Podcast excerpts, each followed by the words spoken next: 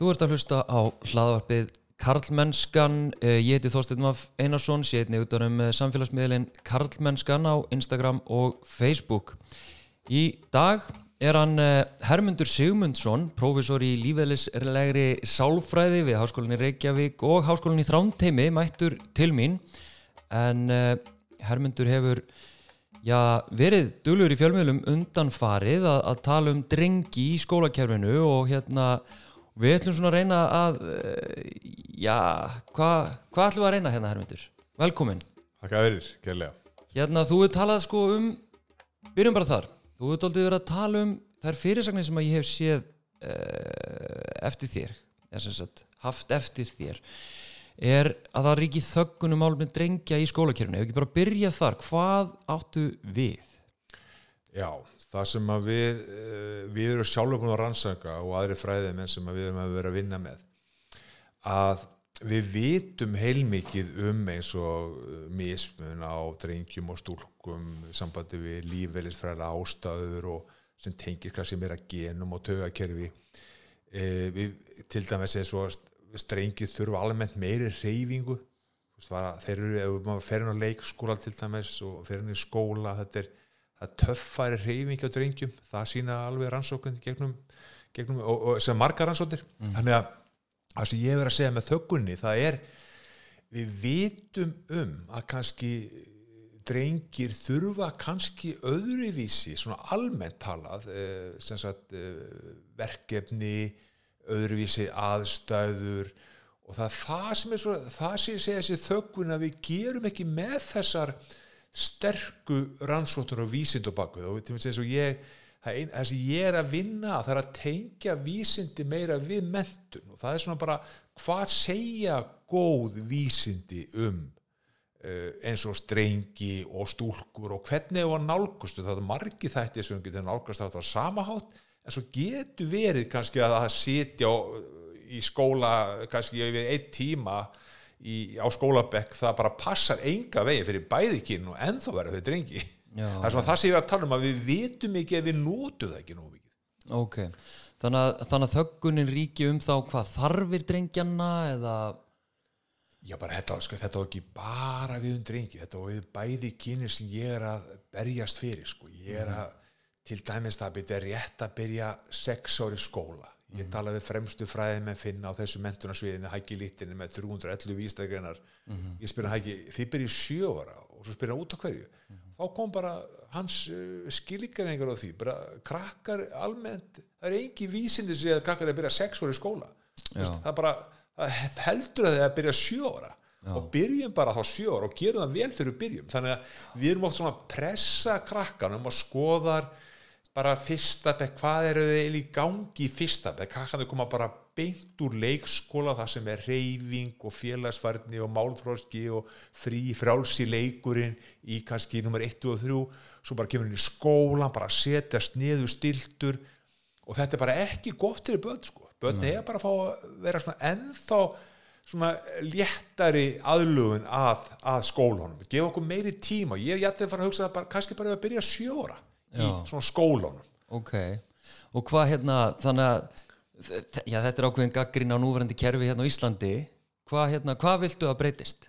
Þú veist, út á þessu, þú talar um að hérna, byrja sjö ára, eru þú að tala um að lengja leikskólan, eru þú að tala um að hafa eitthvað millistig millir leikskóla og grunnskóla?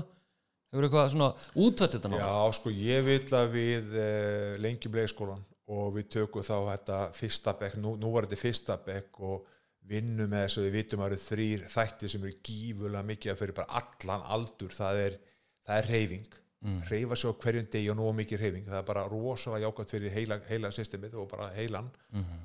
og þess að grunnleikandi heila, þessu kvöldum grá og hvítefni heilans, gráefni eru taugaförmurnar og hvítefni eru tengingur á millera mm. og bara sínist í rannsóttir reyfing er bara líkillinn að viðhelda grá og hvítefni heilans. Þetta er eitt hlutur, ebla reyfingu ebla félagsferdi -hmm ennþá meiri leikur vinna saman veist, og, og kannski þá að læra hegðun saman skilu hvernig við komum fram með annað fólk með virðing og tillisum að leiðaljósi uh -huh. og svo þriði punkturinn er þetta tökum áskorun, veist, prófum eitthvað hluti, vinnum skemmtileg verkefni sem kannski kveiki svolítið áhuga á krökkunum.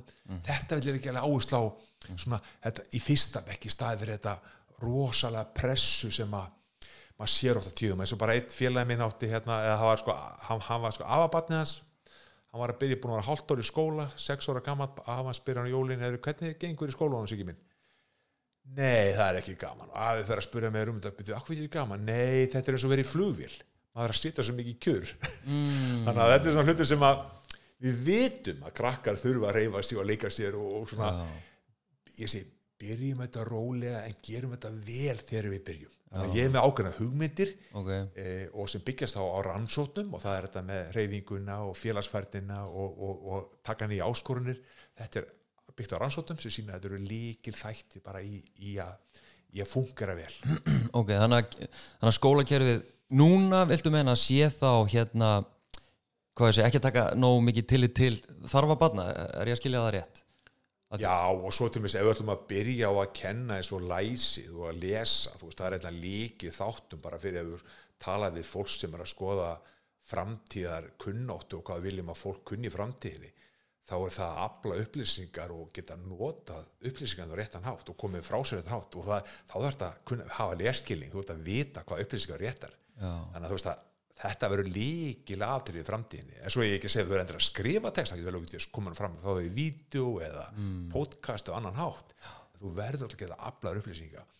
Og þess vegna segi ég að ef við ætlum að fara að byrja lestur notum þá bestu lestraðaferna við ge- förum í vísindin og segjum notum best praxis í lestraðaferna á Íslandi. Við erum með 100 skóla á Íslandi sem er að nota ekki að nota bókstaf hljóðaþjálfun í byrjun lestrakenslu sem er líkillinn skoðu hversu marga bókstaf og hljóðin krakka kunna og sjáum hverju læsir. Þeir sem eru læsir byrja í skólanum þá fara þeir í önnu verkefni. Þú veist, í Noregi gerir rannsókn í fyrsta bekk og þá eru 11% læsir það er 70% stúlkur. Og þá er það þau að fá önnu verkefni heldur en kannski hínir sem ekki eru læsir. Og alls ekki mæla lesa það, segir Hæki Littinen sko, mælu fyrir eitthvað hversu marga bækurla spatni síðasta mánuði hvað þrjáður og skemmtilegast það, eða þú ættur að læs. Já. ekki mæla lesa, við erum að mæla 40 spöld þrísvar ári í lesramælingu. Meirist í fyrsta bekk þegar við veitum að 60-70% eru ólæs. Það bara, er- er- bara common sense það rýmar ekki við hvorki það sem við kannski getum ímyndað okkur sér rétt og það sem er rétt samkvæmt rannsóknum því ofta tíðum styðja þessar góðu kenningar það styðja við góðan praxis Já, einmitt. Þannig að þú vilt ekki að, að við sem að mæla lesraða heldur meira lesskilning eða hvað? Já, absolutt, sko, það sem ég vil gera ég vil, öll bötti spyr í skólanum vil ég mæta hversu marga bókstafi og hljóð kunna þau Ok. og geta þau lesið þau læs ég get reiknað með svona eitt þriði, eitt fjórða á krökkunum sé læs þá fara þau strax í önnu verkefni. Þau fara kannski að teikna mynd og skrifa sögu um eitthvað sem þau vilja skrifum Já. þau fara að vinna með texta sem að annarkoð bækur sem þau velja sjálf eða við gerum texta fyrir þau og þá veitum við svo stelpur og strákar eru svolítið, öðru í svona almennt hvernig texta þau vilja lesa. Strákar vilja lesa meiri hasar skrimsli, skriðdreika eh, stelpur það sem eru töframenn og eitthvað svona ævintýra mennsku og svo bæði kannski Óla Ása fór í tífóli og Óla Ása fór á bóndabæn það eru bæði, það vitum við rannsóðu líka. Ok. þannig að þessa texta verðum við að klára fyrir þá sem eru orðin læsir. Og svo getum við byrjað að prófa þau á léttum leskilisprófum hinum einn, tveir, þrýðu kannski verðum við bara að halda áfram að kenna þeim bókstofa þeirra hljóð og vinna með dund, rím og allt þetta. Og þeir eru búin að ná ákvörðum mörgu bókstöðum, við fundum það nú er ég að 19 bókstafir pluss mínus 5 þá nærðu læsinu Já. stóri rannsókn fylgdum þetta krökkum allt fyrst ári í skólanum. Þannig að þá höldum við áfram að reyna ebla þeirra bókstafhljóða kunnóttu þannig að þeir ná læsinu. Mm. og þá eru bara, þá eru að vinna allir að vinna eins og, og Sissi Mihali fadir jákværa sálfæraði segir gefum börnum og gef, allir þurfa að vinna með réttar áskoranir. Já. þannig að veist, á, ef, sko, þá ert í flæði og þá nærðu þessu kvöldu mastur í þú veist, já, ég gati þetta. Ég er, ég er að ná þessu. Eins og hann að strákurinn sem að Herdis Egilstóttir frábæri kennari sem að kendi í 40 ár hérna upp í Ísaskóla hún sagði sko í bókinni sinni þessum að bókin heitir það kemur sag út um mér. Og það er út af strákurinn sem náða að lesa þess Herdis, Herdis, það kemur sag út um mér þannig að þá ertu búin að sváta sjálfsmati. Ég gat þetta. Já, og það er óbóðslega mikið vakt í þessu. Það er kenning sissi mér svo mikið að því að við megum ekki gera á erfiða hluti. Alltaf að hugsa um að þessu réttar áskun hann ekki fari hefði, ah, ég gati þetta ekki maður. Mm. í staði fyrir að segja, já, reynd aftur þú, þú átt að geta þetta, þetta, er, þetta í staði fyrir að keira yfir einhvern eins og stráki sem er farið lesa að prófa ólæs, mm. þá gerir ekki djákat fyrir það bara, það farið kvíða ef áskonu er of mikla fyrir færninu, þá farið kvíða. Ef áskonu er of stórar nei, og litlar mm -hmm. þú, með, með færninina, þá eru leiður. -hmm. þannig að veist, reynum að finna þetta jætla, þetta er líkillin í öllu samskiptum og öllu námi. Já, já, einmitt. Hérna, sko, já, einmitt. Ég heyri það og við heyrum það, við spjöldum alltaf aðeins áður en við fórum í upptöku hérna og við komum kannski að því svona aðlokum á eftir að hérna hvar við erum algjörlega sammála. Að því að við erum alveg sammála um svona hérna sumatrið en það er önnur kannski sem að já ég segi kannski ekki við sem ósamálum en við kannski horfum á þá þætti út frá öðrum eða mismunandi sjónarhóttum getur við sagt. Og, og uh, náttúrulega svo orðrað sem að kannski hefur farið alltaf í gegnum þig er þessi þöggun á, á hérna, málum drengja í skólakerfinu uh, ég hef tekið viðtöl við bæði Hönnubjörgu uh, kynjafræðikennar og síðan Þorgir Einarstóttur professor kynjafræði. Uh, og svona bendi að ég endur ómaði þeirra orðum að það ríki ekki þöggun um málumni drengja í skólakerfinu. Það hafi verið rætt um þessi málumni í, í 20 ár, það hafi verið haldnar 4, 5, 6 ráðstefnur það hafi verið skrifað bókum um hérna, Ingóður Ásker skrifað bókum drengi í skólakerfinu þetta verður margar ansaka í rauninni hvað eða er sem að skýri í rauninni góða námsárangur. Það verður talað með um að manti kallkynns kennaran í kennslu það verður sínt fram að, að kyn kennara skipti ekki máli það séu kennsli aðferðindar og svo framvegs þannig að það er hafa svona verið að benda á það ekki nú ekki þöggun en jú það má vissulega bæta og betra eitthvað í skólakerfinu og þá eru að vísa til þess sem að þessara talna um, um leskilning meðal annars. Eh, en þú sem að tala líka um um sko, já eins og ég tólka það er svona þessi, hvað ég segja, mikli áhrifamáttur líffræðinar veist, við erum doldið svona kannski greinar okkur aðeins á um sko, orsöku og afleðingu og þú vilt meina það ef ég skilir rétt og þú kannski skilir réttir að það sé það sé, já, genamengið það sé erðamengið það sé líffræðin sem að orsaki mun sem að við sjáum millir stúknar og drengja ef við, við tölum um það í skólakerfinu Já, þar leitaði bara í svarpenn til einna fremstu vísamenni heiminum í þróunar þróunafræðu, sem er development of science, sem okay. að Gilbert Gottlieb sem kom með, byrjaði að vinna með þetta 1970, Já. komið svo rosalega mikið af vístagrein í Psychological Review 98 sem er sterkasta tímaritt í sálfræði okay. við erum með Science on Nature sem er Impact Factor 20, Psychological Review með Impact Factor 10 okay. sem er bara rosalega stert í sálfræðinni mm -hmm og hann sýnir fram á það með sagt, ára tugar ansótin þar sem að skoðaði sko andaregg og hvernig ungin inn í egginu læri tungumóli til uh, móðurinnar. Og svo mm. sá að það eftir hvert að það var spurning hvaða tegund lág á egginu. Ef þess að þú tekur eggi frá móðurinni þá lærir hann tungumóli og fylgir þeim fuggli sem lág á egginu mm. og þá eftir stórgóðslega rannsótin þar sem við settum hljónum inn í með þessi eggið mm þá sáur það hvernig umhverfi hefur áhrif á genamengi og það er það sem er stórkostum hans kenningu, hann er að segja að þróun einstaklinga samankvæmt að sé dýr eða menn þetta er alltaf samspil gena mhm. -huh. taugakerfis atverðis og umhverfis í stöðu samspili mm. þannig að við vitum það bara stress til mest getur áhrif á genamengi, mm. RNA inn í, í taugafrömmunni og við veitum líka það eins og, eins og stress í fóstulífi eins og við sjáum stundum og svona erfið tímar eins og COVID og líka 2008 hrununu þá sáum það að fættust fleiri fyrirburar og ef fyrirburar fættust þá eru ofta drengir þannig að þetta verður líka mikil áhrif á sko á bara fóstulífi mm. og, og það sem ég hefur verið að benda á að eins og til dæmis testosterum það er kannski hormóni sem að var sínt fram á í kenningu Jesvan Galaburda fór 1985-86 það sem síndu fram á að, að, að svo drengir eru viðkvamari við fæðingu.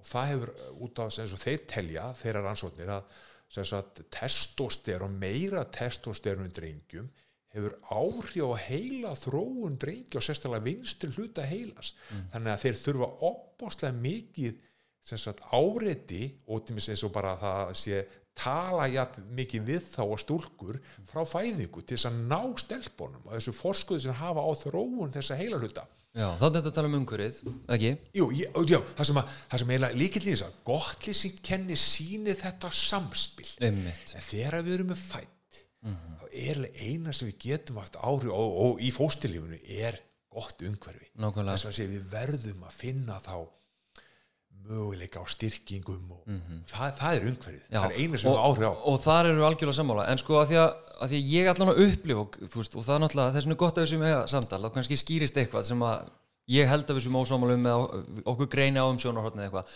Eh, að því að ég hef aldrei upplifað þennan sko, ég hef upplifað þú ert að útskýra þérinni núna, það er kannski ekki þannig að ég hef upplifað að þetta, að líffræðin og genin og eitthvað þetta sé einhvers konar fasti. Að við séum bara einhvern veginn með hérna drengina sem einhverja fa fasta starð og við þurfum einhvern veginn að díla við þessa föstu starð með einhvern veginn ólíkum hætti heldur en við erum að díla við stúlkur. Þannig hef ég upplifað þetta. Á meðan að Brynja Björk til dæmis og ég er engin sérfræðingur í, í taugasálfræði eða, eða heilum eða neitt. Ég er meira svona út frá já, ég er nú kannski ekki eins og sérfræðingur en einu en ég hef kannski óbílandi áhuga á kallmennsku hugmyndum og hérna áhrifum þeirra á já, samfélag og, og líf okkar sem einstaklinga. En það setur svo í mér það sem að Brynja Björk sagði einu svona í samtali við mig að hún sagði að sko það er ná, nánast í engin munur á heilum uh, stúlkna og drengja við fæðingu. Að það er nánast í engin munur en síðan ekst munurinn á heilum eftir því sem við erum eldri og þá leður hún hérna, þá dreifur hún það álíktun eða út frá rannsóknum sem hún er að vísi að, að það skýri í rauninni áhrifamátt umhverfisins. Að það er komið umhverfiðinn og það í rauninni valdi þessu mikla mun sem við síðan sjáum hjá eldri einstaklingum. Svo vísa hún sko í aðra rannsóknir þar sem að er sagt að, að munurinn á heilum stúlkna og drengja hann sé ekki næjanlega mikill til þess að skýra mun á virkni og anatómíu og hegðun eh, eftir kyni hvernig bregstu við þessu? Nei, það sem við sjáum bara á þessar, þessar rannsóð sem við vísum til þú veist, heilin kannski sem útgangspunkt uh, við vitum að það er stelpur um meira kvítefni í heilunum þegar að rannsaka ekki við fæðingu bara þegar að rannsaka eftir hvert og kvítefni er mikið veð fyrir flutning tögabóða og það gerir það að það er kannski að, tala um að það séu kannski betri í að gera fleiri hluti samtímis heldur um menn það syns ég líka að það eru með meira aktivitet milli heilakveilana sem er mjög mikið að þessum með með fínreyfingar getur nota vinstur og hæri jætt, vel. Og svo vitum við að strákar er kannski meira, það er skætt að menn sem er meira af, af þessu gráu efni sem eru fjöldu tauga fruma uh, og þeir hafa meiri uh, jafn góðan og jafn betri flutning innan heilakveila, þetta er svona sem er sagt sko, fransótum mm. Og svo vitum við hins vegar eins og, eins og Gesvan Galabúrta bent á 85-86 að að testosterón er meira á drengjum og það sem ger drengi að drengjum okkar mönnum, það er testosterón áhrif testosterón og það er líka sínt fyrir fram á það að ómikið testosterón er ekki jákvæmt heldur og við veitum að margir fangar eru með ómikið testosterón þannig að það er ekki bara jákvæmt að hafa mikið testosterón mm. við veitum líka eins og bara okkar hans á síni núna þegar við fórum að skoða þetta með þetta sterka áhuga kvöt, þetta skoðu passjón þess að ástriðina fyrir ákveðinu hlutum að það sjáum að það er kynjamismunir í ástriðinni, þeir eru skoðuð 917 einstaklega frá 14 til 77 ára. En ekki þrautsegi og ekki gróðskoðuvari og þegar erum að skoða það býtu hvað getur verið að strákar hafi sterkan áhuga fyrir vissi hlutum og meiri en stúlkur sterkari ástriði í, í útgangspunktin og þá sjáum við það að það getur skýrst með meiri dopaminaktiviteti hjá drengjum og mönnum heldur en stúlkum. Og það skýrir akkur drengir eitthvað svo oftar í gaming og þú nærði meiri í svona eitthvað sem að krefur svolítið svona þess að segja svolítið fíkn heldur og stúlkur. Og þessi ótrúlega áhugi stundum eins og fyrir fókbólt og fyrir ákveðnir hlutu sem þið verða bara algjörir svona hálfgerðir nördar í. Og þá sjáum við það að meiri dopaminaktiviteti hjá hérna hjá einna drengjónum og svo skoðu býtu hvað eru drengir í meira hluta jú það er eins og einhverfir, fjóra, fimmur drengir Já. og þá séu það er hýperaktivitet ekstra aktivitet í dopaminsystem hjá þeir sem eru einhverfir Já. þannig að þá eru komið hormón hormónaaktivitet, kannski ekki akkurat uppbygging heilans en, en meiri hormóna sem eru mikið fyrir okkar, fyrir okkar, fyrir okkar bara allt, all okkar starfsemi að það getur verið mismunu þar mm -hmm. og þannig að við erum með ákveðið mismun mm -hmm. á sama tíma þurfum við að vinna því að við náum að lifta öllum að ebla alla og ef eins og ég veit að hjallast þetta er svona að vinna með þessu til að vera að skýra fyrir eins og akkur strákandi það eru jafngóra stelpunar mm í skóli í Hafnafjörði og þá var sagt ég á drenginni fá svolítið öðruvísu uppliki tíma þegar fá að reyfa sér meira, fara út að reyka sér og svo inn aftur, mm stittir tíma. Mm og eins og eitthvað sagði með sko 15 mínútur er svona ágæntist tími fyrir marga halda einbendingunni, ég átt sagt aldrei hafa tíma meir í 40 mínútur. Þá hugsaðum bæði kynin og sérstaklega koma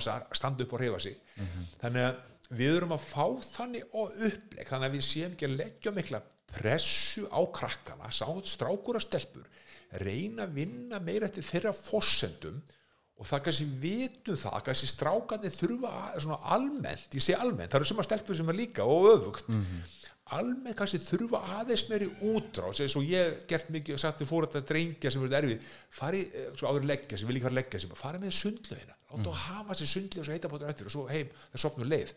Þannig að reynum að virka og það getur líka verið stelpur sem hafa rosalega gott af því líka. já, já. þannig að ég er að hugsa sko aða máli þessu öll er að við náum að skapa umhverfi og aðstæð mm -hmm. sem er gott fyrir öll. Já, sko, liftum öllum. algjörlega og þar tekið heilsuður undir. Það er bara, sko, þegar umræðan dettur í þessa grifju, alhæfingar útráðlífræði að þá verður, svo, þá verður umræðan svo erfið, sérstaklega þegar ætlum að segja að strákar síu bara svona hann ætla aðeins að staldra við já, þarna já, já. að sko, ég meina, getur þú fullirt uh, að það sé fyrst og fremst uh, líffræðilegur munur, þar að segja uppbygging heilans, eh, þessi efni í heilanu sem ég kann ekki að fara með eh, sem að skýri síðan þann mun sem við greinum síðan þegar börnum verða eldri, sem við sjáum síðan í skólanum og á framistuðu og svo framvegis getur þú fullirt að það sé fyrst og fremst eh, líffræðin og heila samsetning og virkni og svo framvegis sem að skýri þennan mun, þú veist, getur þú fullirt það?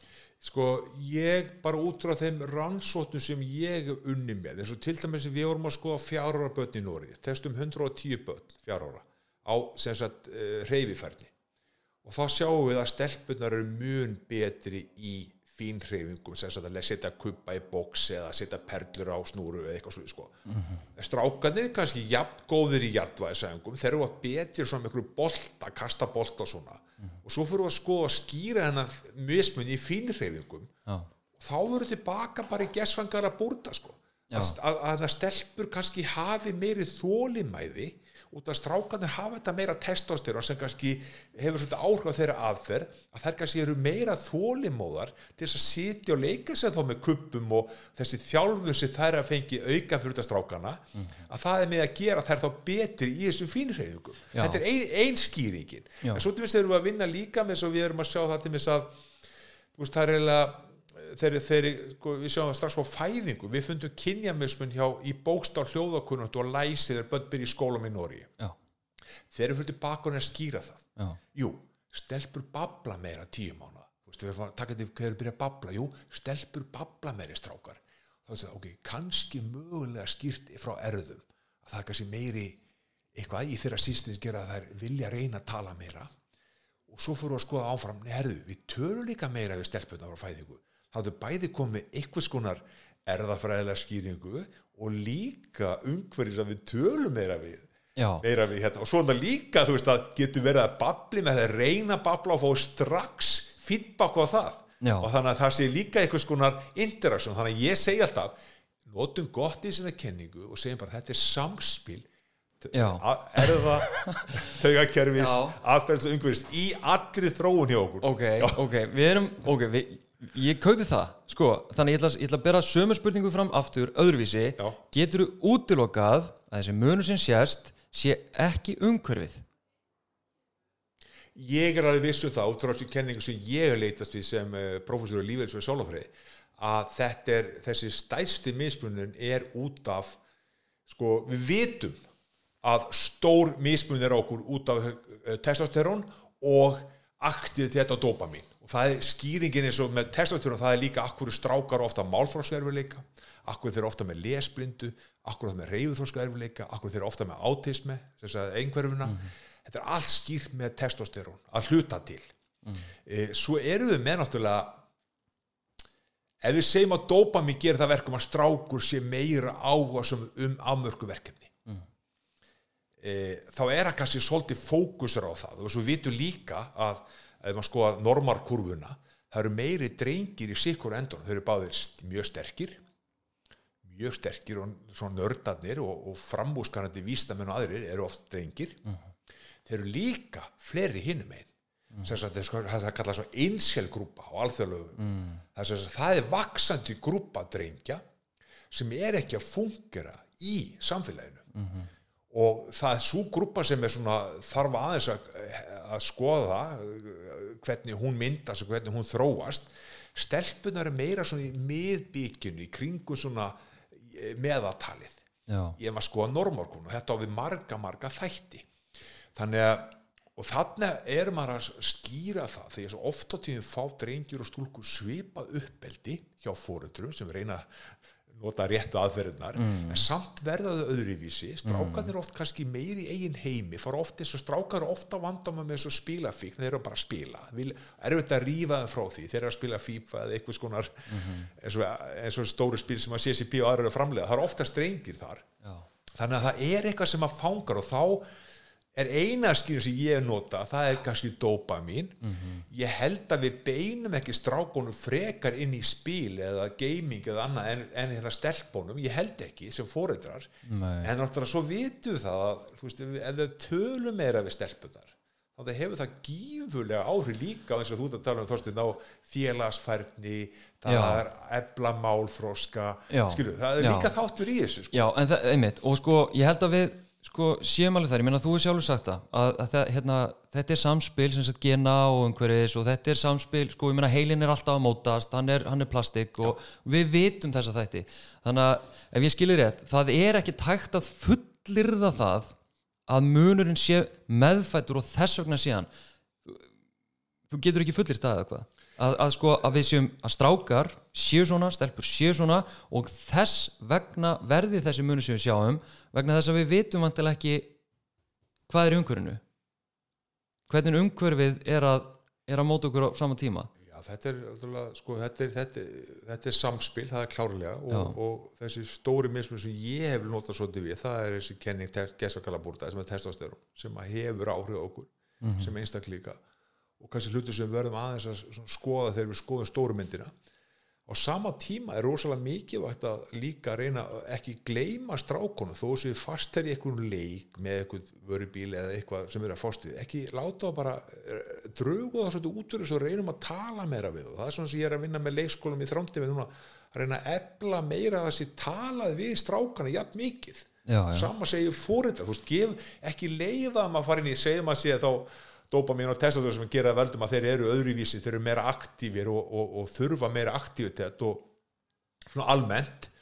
Og það er kannski það sem að eh, kannski hemmir því að þeir eru kannski meira uppteknir af leik og kannski ekki sama samspili með fóreldrar og aðrir. En á sama átt líka getur ekki sagt alltaf á strákunni að fara að gráta að segja, hvað er þetta Óli, hertu þig upp í staður að, sko, að taka líka þá í fangu ég er bara að lesa greinum daginn sem að tala um ólingastrengi þú veist, taki líka utan á þá sem fóreldra þeir þurfa það líka.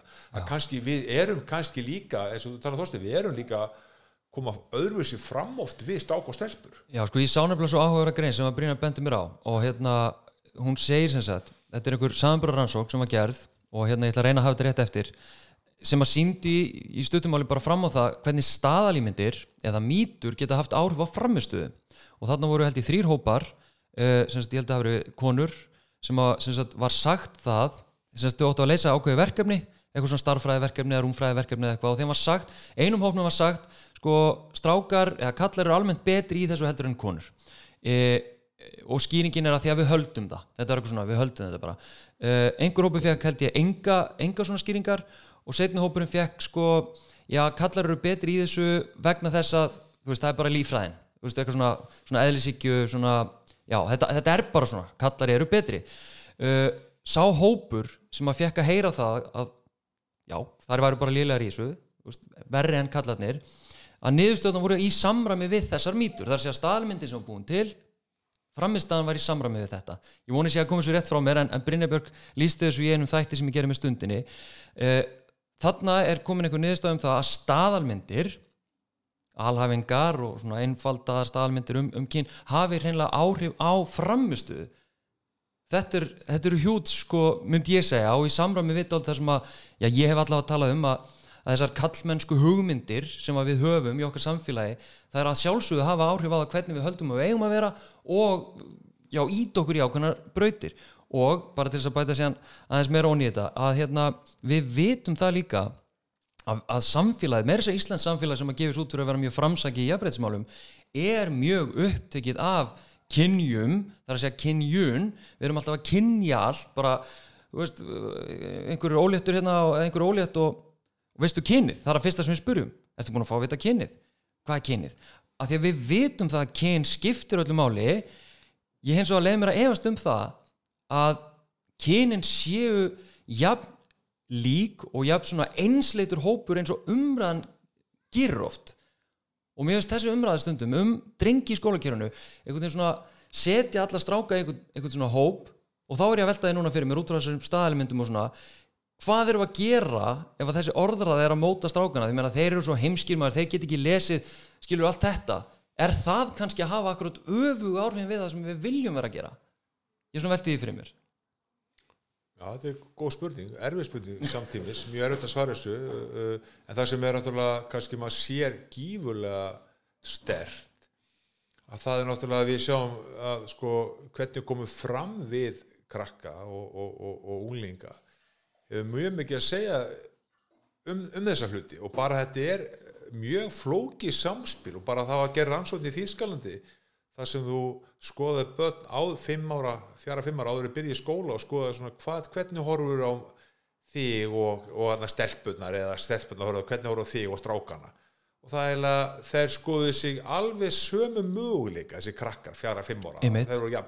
Og svo skoður það aftur eftir þeir eru 8-9 ára þá skoðu strákarnir að stelpunar voru betri og stelpunar sögðu líka þær voru betri en strákarnir. Ok. þannig að þá eftir 3-4 ári í skólanum þá eru konum með aðra hugmyndir höfðu áður byrja í skóla. Einmitt. þannig að þú veist þetta er rosalega mikilvægt að við komumst þangað. Að veist við erum með þessa ákvörnu kenningar og svo getum við reynt að skoða þær og, en við erum við endum alltaf þar eins og ég haf sagt til fólk sko, við erum með gott lýsina kenningum með þetta samspil okay, og hann meina þá að geti verið ólít af því að við erum með kannski með meiri hormonastar sem er öðruvísi hormonastar sem er strákar stelpur.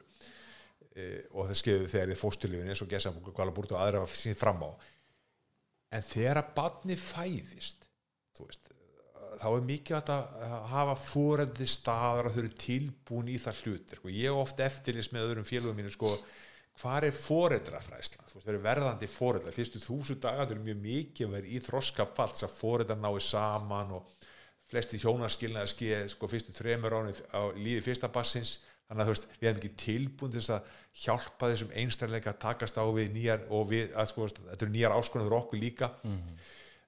þannig að þú veist gefu þessum börnum sömu möguleika, svo ég hef sagt við strákana þegar ég sá maður strákar eftir stelpu þegar ég byrja í skóli í læsi þá þýð það að þjálfunu þeirra er ekki jafn mikið því að sko þessu lestur og allir þessi fög sem við erum að tala um þetta er allt spurning um þjálfun mm. og reynslu í þessu verkefnum mm. við sjáum bara í Nóri nú að nú eru stelpunar á undan strákarum í öllum fögum nema leikvimi, íþróttum mm. strákunni en þá herrið þar, ja. meðan stelpunar eru komnar yfir líki starfræði já, já, það sem áður sagt já stelpun er ekki, get ekki þú svona, ímyndið var það að stelpun er ekki svo góður í stærfræði jú það eru þetta betri strákaði núna mm. þú skoðar 12, 14 og 15 ára krakkar. Eh, þú veist, þannig að veist, öll þekking og færni þarnast tjálfunar og reynslu til þess að verða góð. Og við þurfum að ákóklu sem fólk að ef orðaforði mikið var fyrir okkur og bæði kynin náttúrulega þá verðum við að tala jafn mikið við bæði kynin. Mm gefa báðu jafn mikið áreiti þar. Sama við viljum að þessi krakkar læra að lesa. Gerum það þá með bestu aðfæra sem finnst og gerum það vel. Já. bæði strákar og stelpunar við þurfum að fylgja jafn mikið. Sumir þurfa, bæði stelpur og strákar sumir þurfa meiri aðtikli en aðrir. Aðrir þurfa minna aðtikli og kannski meira sjálfstæði ég veit það frá minni reynstu sem ég hef heyrt að strákar þurfa oft betri aðhald svona leiðinni, þeir eru oft kannski stelpunar meira sjálfstæðir og duglegri á margan hátt og við finnum það það er sterkara samspil hjá stelpum milli þrautsi og gróskugafars mm. heldur en strákum. Það er ástyrjan og þrautsiðan sterkara. Þannig að stelpur þetta fara þetta meira kannski á samviskusemi því að þrautsiðan er mjög nátengt samviskusemi. Og þannig að það er fara á því samspili. Gróskugafar, ég get bætt mig en ég gerir það með því að vinna vel. Það strákuði sig að þetta er skemmtið þetta vil ég vinna með. Þannig að það er ástyrjan sem dregur þá inn í verkefnin. Já. þetta er stór mismunur líka eins og við sjáum núna á kannski, og það er að dópa minn skilur við. Erum baka til svolítið eitt þáttu sem getur mögulega skýr þessa mismun þennan mismun. Já, eða eftir áskýring getur það ekki líka verið? Að við sjáum, sko við sjáum mun þú veist, við sjáum hérna við sjáum afleðingu, svo ætlum við að reyna að reykja okkur tilbaka og þá getum við pinpointað, herruð, það er meira hérna en við getum samt ekki útlokað að ástæðan fyrir því að við sjáum þennan mun sé vegna þess að samfélagið í stóru samingi, umkörfið hafi skapað þennan mun. Þannig er ég að tala um kynjunina og þannig er ég að tala um líka kallmennsku og kvenleika hugmyndir að þetta er í takti við þær. Já, en samt er þetta erfitt þegar við komum tilbaka til þess að með einhverfu. Fjóra, fimmur strákar menn, menn. og þegar við sjáum að einhverju með hýbrakti til þetta í dopaminsysteminu mm. þá er það samtími svolítið getur verið þó að dopaminn er rosalega mikið fyrir styrking og taugamótum og líka fyrir að halda þessi einbitni og, og þessari revard eða já ég náðu árangri. Mm. Að hérna, styrkja það, þá, þá hugsun þá er líka hægt að segja að þarna, sko, út frá lífið eins og sálafræði, þá múti ég skýra því á að möguleiki að dopaminn sem einna þáttónum já, sem að styrkist á skilur og svo spurning hvernig fáu dópan fram? Það eru okkar sömu, það er samið á stelpu sem eru rosa fókusur og duglega. Það er líka mikið dópanaktiv þegar að finna ég var betur og betri skilur þá eru komin í sísi mjöli með áskur með að ferdi þá er aðra masteri þannig að þú veist, já, þetta er allt samtengt en, en ég bara finnst svo mikið að alltaf þessu umröða að við kannski að við hérna það sem ég er að segja sko að, að, að við, við, við eru með kenningar, við mm. sterkar kenningar sem að sína ákveðin mismun í svona grunnþáttum eins og kannski hormónastarðsemi og það er mikið ekki, ekki, ekki að gleima þeim í stóru myndin það getur verið eina möguleikum. En náttúrulega ég er eins og þú þóst opbóslega upptikinn af þessari eh, hvað umhverfið gefur, það er eina sem við getum haft áfrif á. Og ég sé alltaf gefum börnum ólingum og gefum öllum áskoranir, tökum allir á við áskorun ég er að mhm. hvetja eldra fólk til þess að finna áhuga svið. Við sjáum að, að ástriðan dettur nýðið með auknum að aldrei líka gróskuðu að fari ekki þraut síðan höldum áfarm að trú að við getum bætt okkur í ykkur, skilur, Já. það er kannski líkið að fá krakka þess að trúa því og finna þá áhuga svið, þá fá marga sem verða mjög góður á mörgu sviðum. Já, já, já við erum alveg, sko okkur greinir ekkert á þar, sko að hérna hvernig við sem einstaklingar og síðan við sem samfélag og stofnar og svo frammeir þurfum að skapa öllu fólki eh, já, eins gott allæti og umhverju og hægt er. Ég held að við erum algjörlega sammálað þar en það er bara þessi þú veist, þetta nýtti gritt í dæmi sko, um, um hversu sterk áhrif hormónin, eh, genamengið og kynið hefur í þessu samgi, það er svona pínuð það, að því að það sem ég veldi líka fyrir mér og að því ég líka verið að velta fyrir mér ég menna, veist, hvaða mögulegu skýringar geta uh, verið á því að, að til dæmis uh, já við sjáum þennan mun millir stráka og, stúlna og til dæmis bara miklu fyrir stelpur að konu sem fari í háskólan heldur en strákar. Uh, síðan að maður skoður þetta í samingi við bara sko í fyrsta lagi bara það er ekki töff að læra. Bara í fyrsta lagi, bara fyrir þanga sem unglingur það er ekki svona, það er ekki litið upp til þessara stráka sem að já, nei, ég kennst ekki út í, í, í kvöld, hérna, ég þarf að læra fyrir starfræðipóðið, herru, þetta er alveg um maður, skilur, ég alveg er svona hugmyndakerfið okkar og þannig er ég að tala svolítið inn í kattmennsku hugmyndir þær eru ekki styðjandi fyrir stráka til þess að leggja sér alla fram við námið taka það mjög alvarlega. Meðalans út af kattmennsku hugmyndum, vil ég menna en líka, og svo hefur við fyrir minni eldri árin sko, að þessa greinar, þú erum um kallaga greinar, yðngreinar og svona að, og við erum að sjá rannsóknir til dæmis bara núna að, að sem sagt, uh, hvað maður að segja kalla sem eru með minnimentun, eru með jafn hálaun og háskólamendar konur. Launamörunum það gríðalegur uh, þannig að við sjáum það að konur þurfa að menta sér meira til þess að eiga sömu möguleika á, á launum og, og kallandir þannig að kallandir þurfa að ganga leng nei, stittra, hvað mentun var það til þess að fá þau laun sem að hérna konunda fá fyrir háskólamentun Skilur, þetta er veruleiki sem við búum við. Þannig að, og svo í, í líka það sem að stiður í rauninni kannski stúlkur við námið og Hannabjörg hefur bent á þetta allt sem að geri nefnda góðu nefnda eru eiginleikar sem að teljast til kvenleika.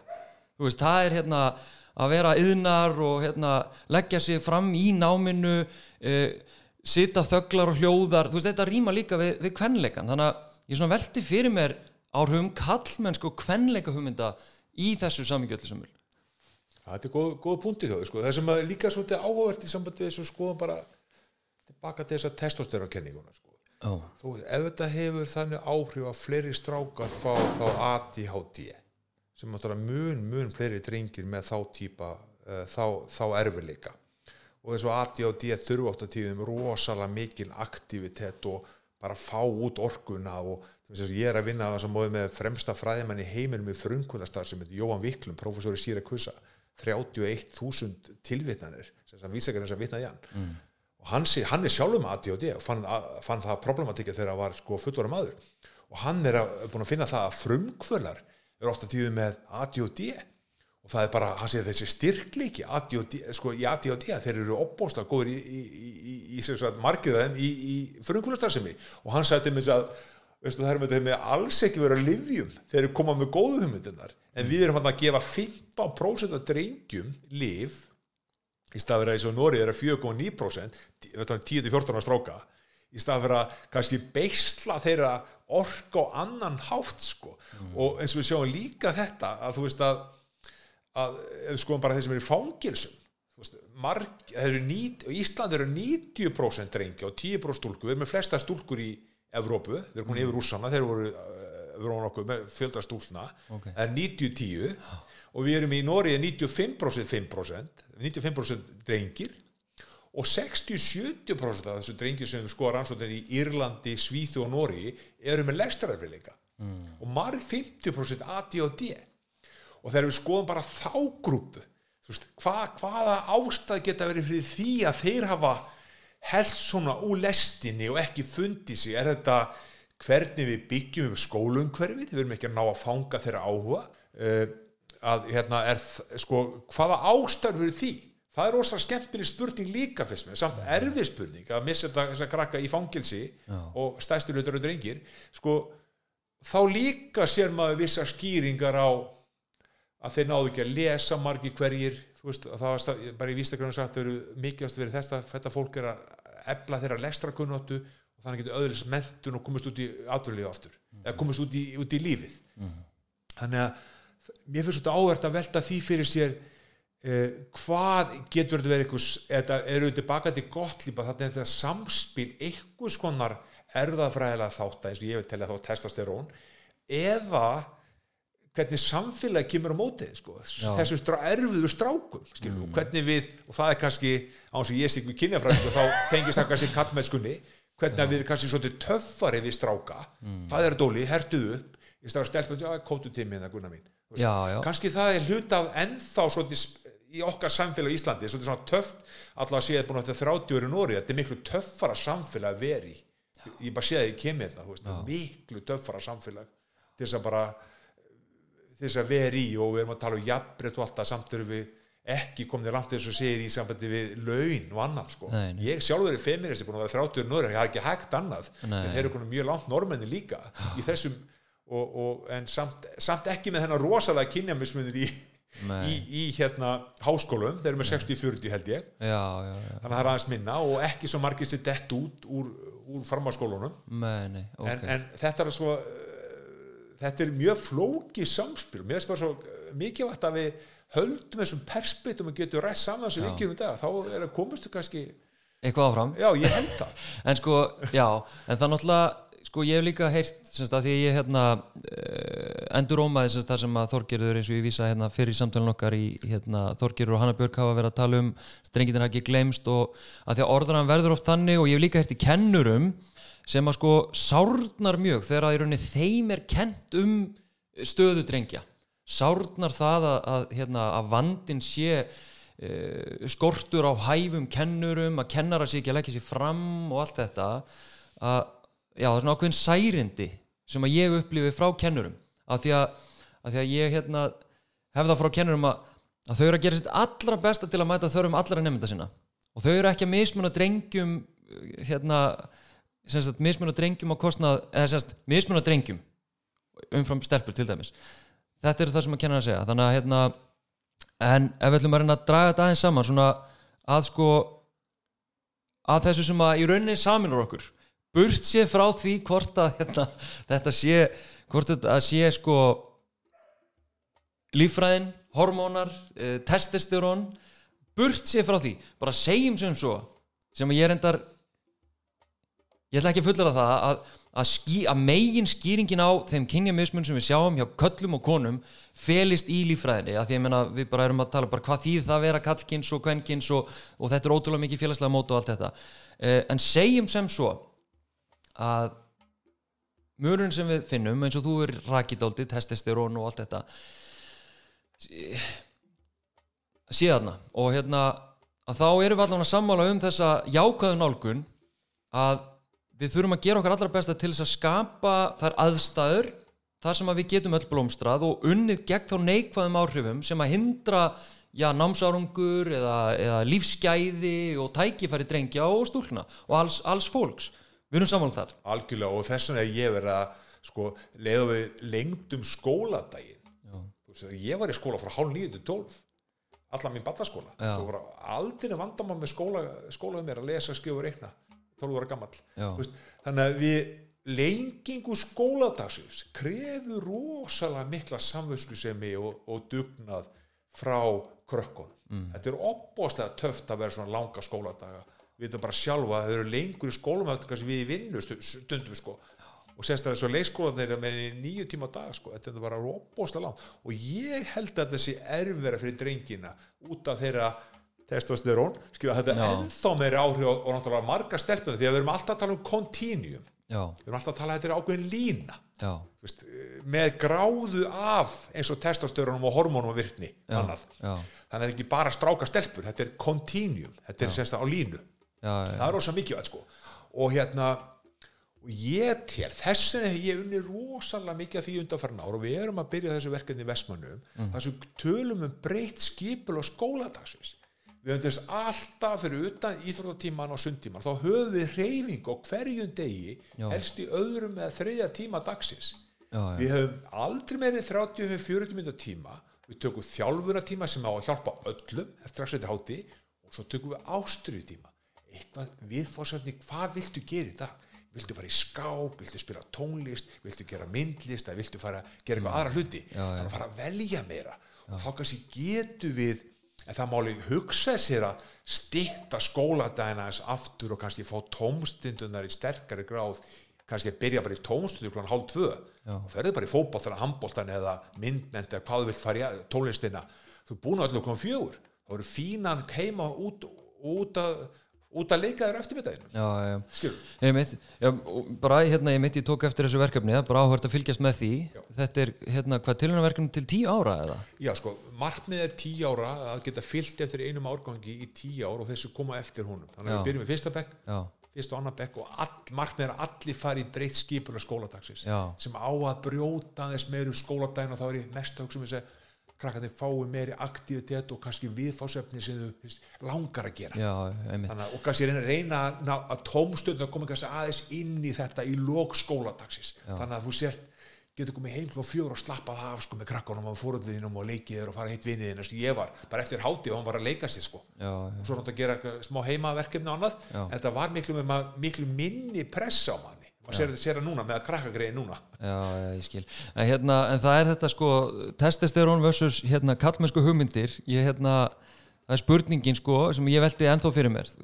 Hvort hefur meiri áhrif? Er það þessi testosterón eða eru það samfélagslegar hugmyndir um hvernig drengir og kallar eigi að vera? Það er svona, við erum svörum ekki algjörlega þeirri spurningu. Menn að þú er náttúrulega fært rauk fyrir, fyrir þínu sjónamið og hvaðan það kemur en og ég get heldur ekkert fullirt sko út frá kynjafræðinlegu vinkli en, en það sem að við hins vegar vitum að saminar okkur og kannski okkar nálgun og það kannski fyrst og fremst í nálguna því sama hver orsökin eða hérna er að þá erum við að glíma við einhverju afleiðingar. Og til þess að glíma þessar afleiðingar þá erum við sammála um já, meðal annars eina nálgun í jákværi sálfræði og hérna vorum við með að tala um það áðan sko að, að þú er hérna stuðst við kenningur úr, úr jákværi sálfræði núna í 30 ára eða eitthvað og ég er einmitt að fara að stað núna að hamra daldið á, á jákværi kallmennsku sem meðal annars kemur upp úr jákværi hérna sálfræði þannig að hérna uh, það er mjög ávert, já, mjög mikilvægt Já, algjörlega. En ég held að við bara stöldrum hérna, eh, setjum punktin fyrir aftan þetta samtal. Virkilega gott að spjalla við. Takk fyrir að koma Hermundur Simundsson, professor í lífeðlisfræði, líf, eða rosalega erfitt að segja þetta, lífeðlisfræðilegri sálfræði við Háskólan Reykjavík og Háskólan í Þrándheimi. Takk fyrir spjallið.